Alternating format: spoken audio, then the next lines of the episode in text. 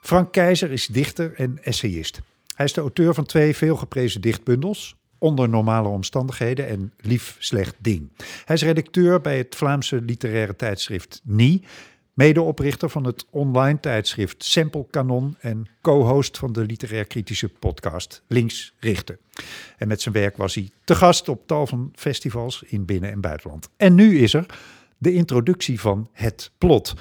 Een boek over onze, als in de mens, relatie met het land. Hoe we het verdelen, bewerken, vernietigen en wat niet al. Laat ik het aan de auteur zelf vragen. Welkom Frank. Hallo. Ehm, ja, die fijne vraag. Kan je een paar zinnen uitleggen waar je boek over gaat? Ja, ehm, eigenlijk ben ik niet zozeer begonnen bij het land. Hmm. Dat is een algemeenheid, maar bij het plot.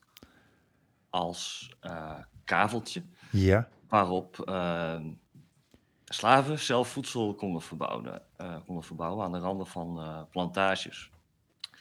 En dat is eigenlijk een concept van Sylvia Winter, een uh, Caribische denker. Ja. En ik werk eigenlijk altijd vanuit concepten. Dus ik heb dit concept genomen als een manier om na te denken over de verhouding tot land. In het licht van uh, de ecologische crisis. Aha. Ja, en, uh, en hoe kwam dat zo? Want uh, ja, ik heb, ik heb net een beetje je literaire cv voorgelezen, maar daar kom ik niet veel uh, land in tegen. Waar, waar kwam dit zo opeens vandaan? Ja, nee, over land heb ik inderdaad niet veel geschreven. Wel over kapitalist, kapitalisme in een relatie. Hoe kapitalisme in een relatie tot, tot de wereld, tot onszelf, tot de, tot de wereld, tot het land verandert. Ja. Dus in die zin wilde ik eigenlijk uh, die kapitalisme-kritiek uh, verder, verder ontwikkelen. Door te kijken naar ecologie. En die, die, die verstrengeling. En dat, dat, dat, daar ben ik eigenlijk mee begonnen. Heel in zijn algemeenheid. Ja, ja hoe stuitte ik op, op, op het plot als een manier om daarover na te denken. Ja, en waarom, waarom is dat plot, dus dat kleine stukje land waar slaven hun, hun eigen voedsel op mochten verbouwen, waarom is dat een goed beginpunt dan? Ik, ik wilde graag een alternatieve geschiedenis schrijven van uh, de verhouding tot land. Een waarin niet zozeer de vervreemding van het land als beginpunt en eindpunt dient, maar, maar een andere verhouding. Hm. Dus in die zin is het een heel speculatief project.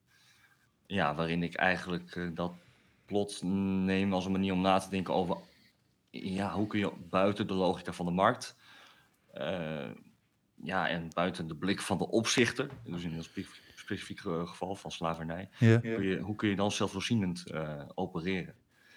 en verder zit er een element in van verzet en samenspannen, hè, van, van een plot waar je plot tegen ja. onderdrukkers.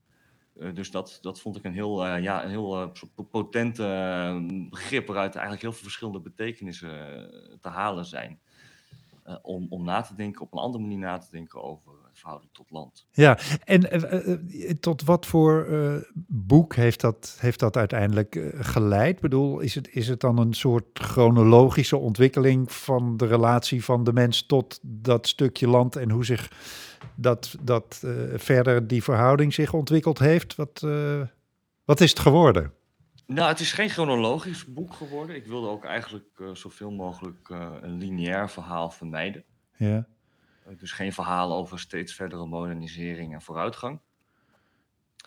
maar in tegendeel juist een, een, een, een, boek dat zich dat die vooruitgangsgedachte, dat zich aan die vooruitgangsgedachte zou onttrekken door heel veel zijsprongen bijvoorbeeld in te slaan en andere net zo goed mogelijke geschiedenissen uh, aan te dragen.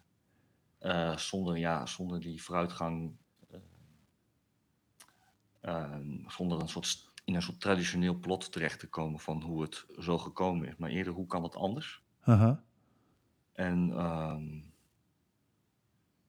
ja, ik heb ook heel erg geprobeerd om niet alleen de relatie van de mens tot het land tot uitgangspunt te nemen, maar eigenlijk net als in vroege leerdichten, die me heel erg hebben geïnspireerd bij het schrijven van het boek, ook een soort ja, pantheïstische wereld te schetsen van, van voor de tijd dat de mens eigenlijk in het centrum van de wereld kwam te staan. En, en ja, en die, die, die, die, ja, die meerstemmige wereld wilde ik aan het woord laten. Ja, een wereld waarin alles een ziel heeft en alles met elkaar verbonden is. Precies, ja. Ja. ja. ja. En je, je zei net, ja, ik, ik vond het interessanter om niet een lineair verhaal te vertellen, maar om zijwegen in te slaan en alternatieven te laten zien. Kan je, kan je dat iets concreter maken? Kan je daar een voorbeeld van geven? Nou, ik wilde, wat ik bijvoorbeeld wilde is, ehm, is laten zien dat je de geschiedenis niet alleen hoeft te vertellen als een verhaal van vervreemding uh, van de natuur, maar ook dat er op allerlei momenten eigenlijk in de geschiedenis ook alternatieven zijn geweest voor dat vooruitgangsverhaal, zoals het plot waarop we uh, ja, zelf, zelf, uh, zelf uh, voedsel verbouwden, voedsel dat, dat, dat ze bijvoorbeeld meenamen met zaden uit, uit Afrika. Mm -hmm. En um, dus het idee van een soort onvermijdelijk verloop van geschiedenis wilde ik daarmee eigenlijk ja, ontdoen van zijn vanzelfsprekendheid. Ja, ja. Iets wat, iets, ja, iets wat ik ook uh, heel erg bijvoorbeeld in, ja, in de paddenstoel van, uh, van Anna Tsing zie. Dat is, een, dat is een voorbeeld van een antropoloog, Amerikaanse antropoloog. Ja. Een boek heeft geschreven over de paddenstoel aan het einde van de wereld. En die laat zien hoe, uh, ja, hoe de Matsutake, die, die paddenstoel, gedijt in allerlei ecologisch verwoeste niches. Een paddenstoel die niet kan worden geteeld, bijvoorbeeld, uh, die niet in een plantage kan worden inges in, ingeschakeld. Iets dat eerder bijvangst is dan eigenlijk een, een doel. Ja. En ik denk dat dat soort voorbeelden mij, mij hebben ge...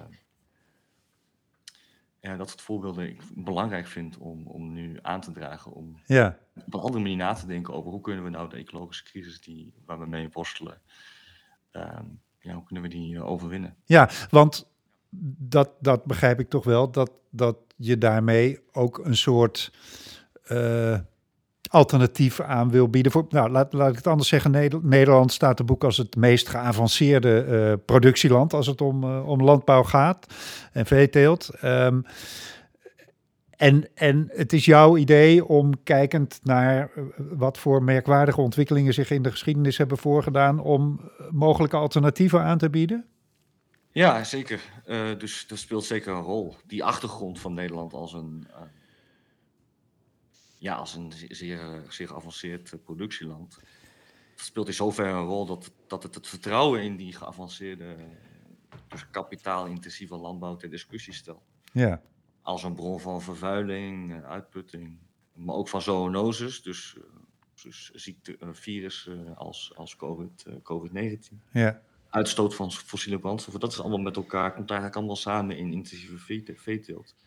En het afschalen daarvan is onvermijdelijk.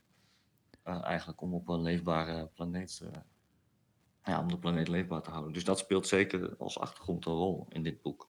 Ja, ik wil ook eigenlijk vragen stellen bij wat is geavanceerd? Eh, voor wie? En vanuit welk perspectief is dat geavanceerd? Want er bestaan natuurlijk ook vormen van landbouw en veeteelt die die, die misschien niet uh, geavanceerd zijn, maar juist uh, maar vanuit een ander perspectief regeneratief zijn. Dus niet het land uitputten. Ja. Ja, dus, dus het stelt eigenlijk dat de discussie, dat, dat gekoesterde beeld. Ja, ja nou, nou, nou is het, uh, ja, het, het standaard argument natuurlijk als, als mensen zeggen van ja, we moeten, we moeten af van die intensieve landbouw en, en veeteelt van mensen die, die dat luchtfietserij vinden, is altijd van ja, maar we kunnen, we kunnen niet terug naar allemaal, om het even heel letterlijk te maken, ons eigen plotje en, uh, en weer onze eigen groenten verbouwen. Al was het maar omdat uh, meer dan de helft van de, de wereldbevolking inmiddels in steden woont. Um, daar ben je het dus niet mee eens. Met dat soort. Het lijkt me, heel belangrijk, het lijkt me nog, nog, nog steeds belangrijk om na te denken over, over alternatieven voor, uh, voor, uh, voor intensieve vormen van landbouw. En ik denk ook dat die alternatieven er, er zijn. Um, het is denk ik heel belangrijk om niet de verbeelding van alternatieve lam te leggen bij voorbaat.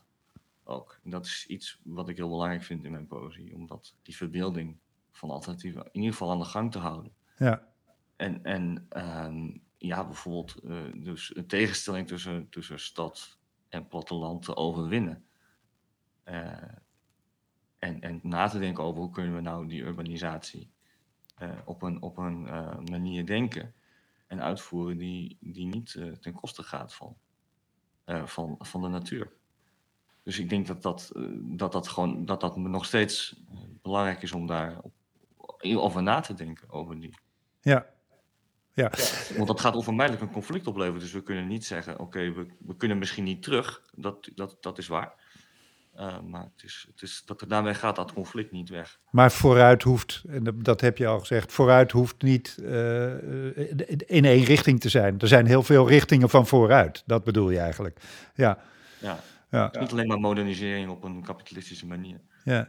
Nou, ik ben ontzettend uh, benieuwd naar uh, wat voor boek dat heeft opgeleverd. Nog één vraag tot slot, want er is natuurlijk uh, ja, veel meer bewustwording van klimaatverandering, milieuproblemen op dit moment. Het gaat, het gaat in, begreep ik in jouw boek, over plotwendingen die er zijn geweest, onverwachte plotwendingen. Is dit zo'n plotwending? Ja, ik denk dat, dat het onmiskenbaar is dat die bewustwording enorm is toegenomen de afgelopen, afgelopen tien jaar. En, en de vraag welke wending, die, of dat een goede wending wordt, uh, dat is afhankelijk van, van, van of we gezamenlijk strijden voor, een, voor verandering uh, in onze manier van leven. Ja. En uh, dat zal niet uit het niets komen. Nee. Het idee van een toekomst die. die ja, het, ik denk dat het helpt om na te denken over een toekomst die eigenlijk al plaatsvindt. Daarbij. Zeker. Ja. En het gaat vast ook helpen om uh, jouw boek te lezen. De, in, de introductie van, uh, van het plot. Dankjewel, Frank Keizer. En ik zeg er even bij dat de introductie van het plot verschijnt op 21 april. Dank. Hoi. Dag.